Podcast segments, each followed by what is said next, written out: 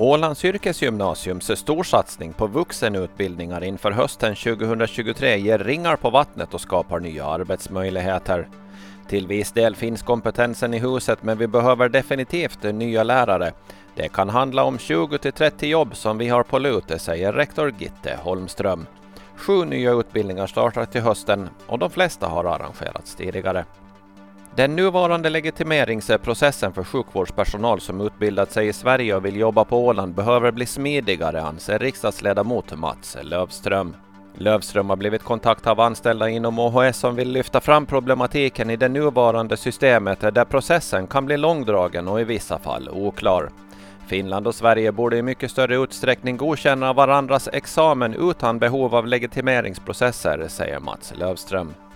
Kommunikationsministeriet i riket begär Ålandsdelegationens åsikt i frågan om vem som har lagstiftningsbehörighet vad gäller utsläppshandel i sjötrafik. Landskapsregeringen menar att det hela är en miljöfråga och att Åland därför har rätt att bestämma. Finland menar att riket har lagstiftningsbehörighet i fråga om utsläppshandel för sjötransporter.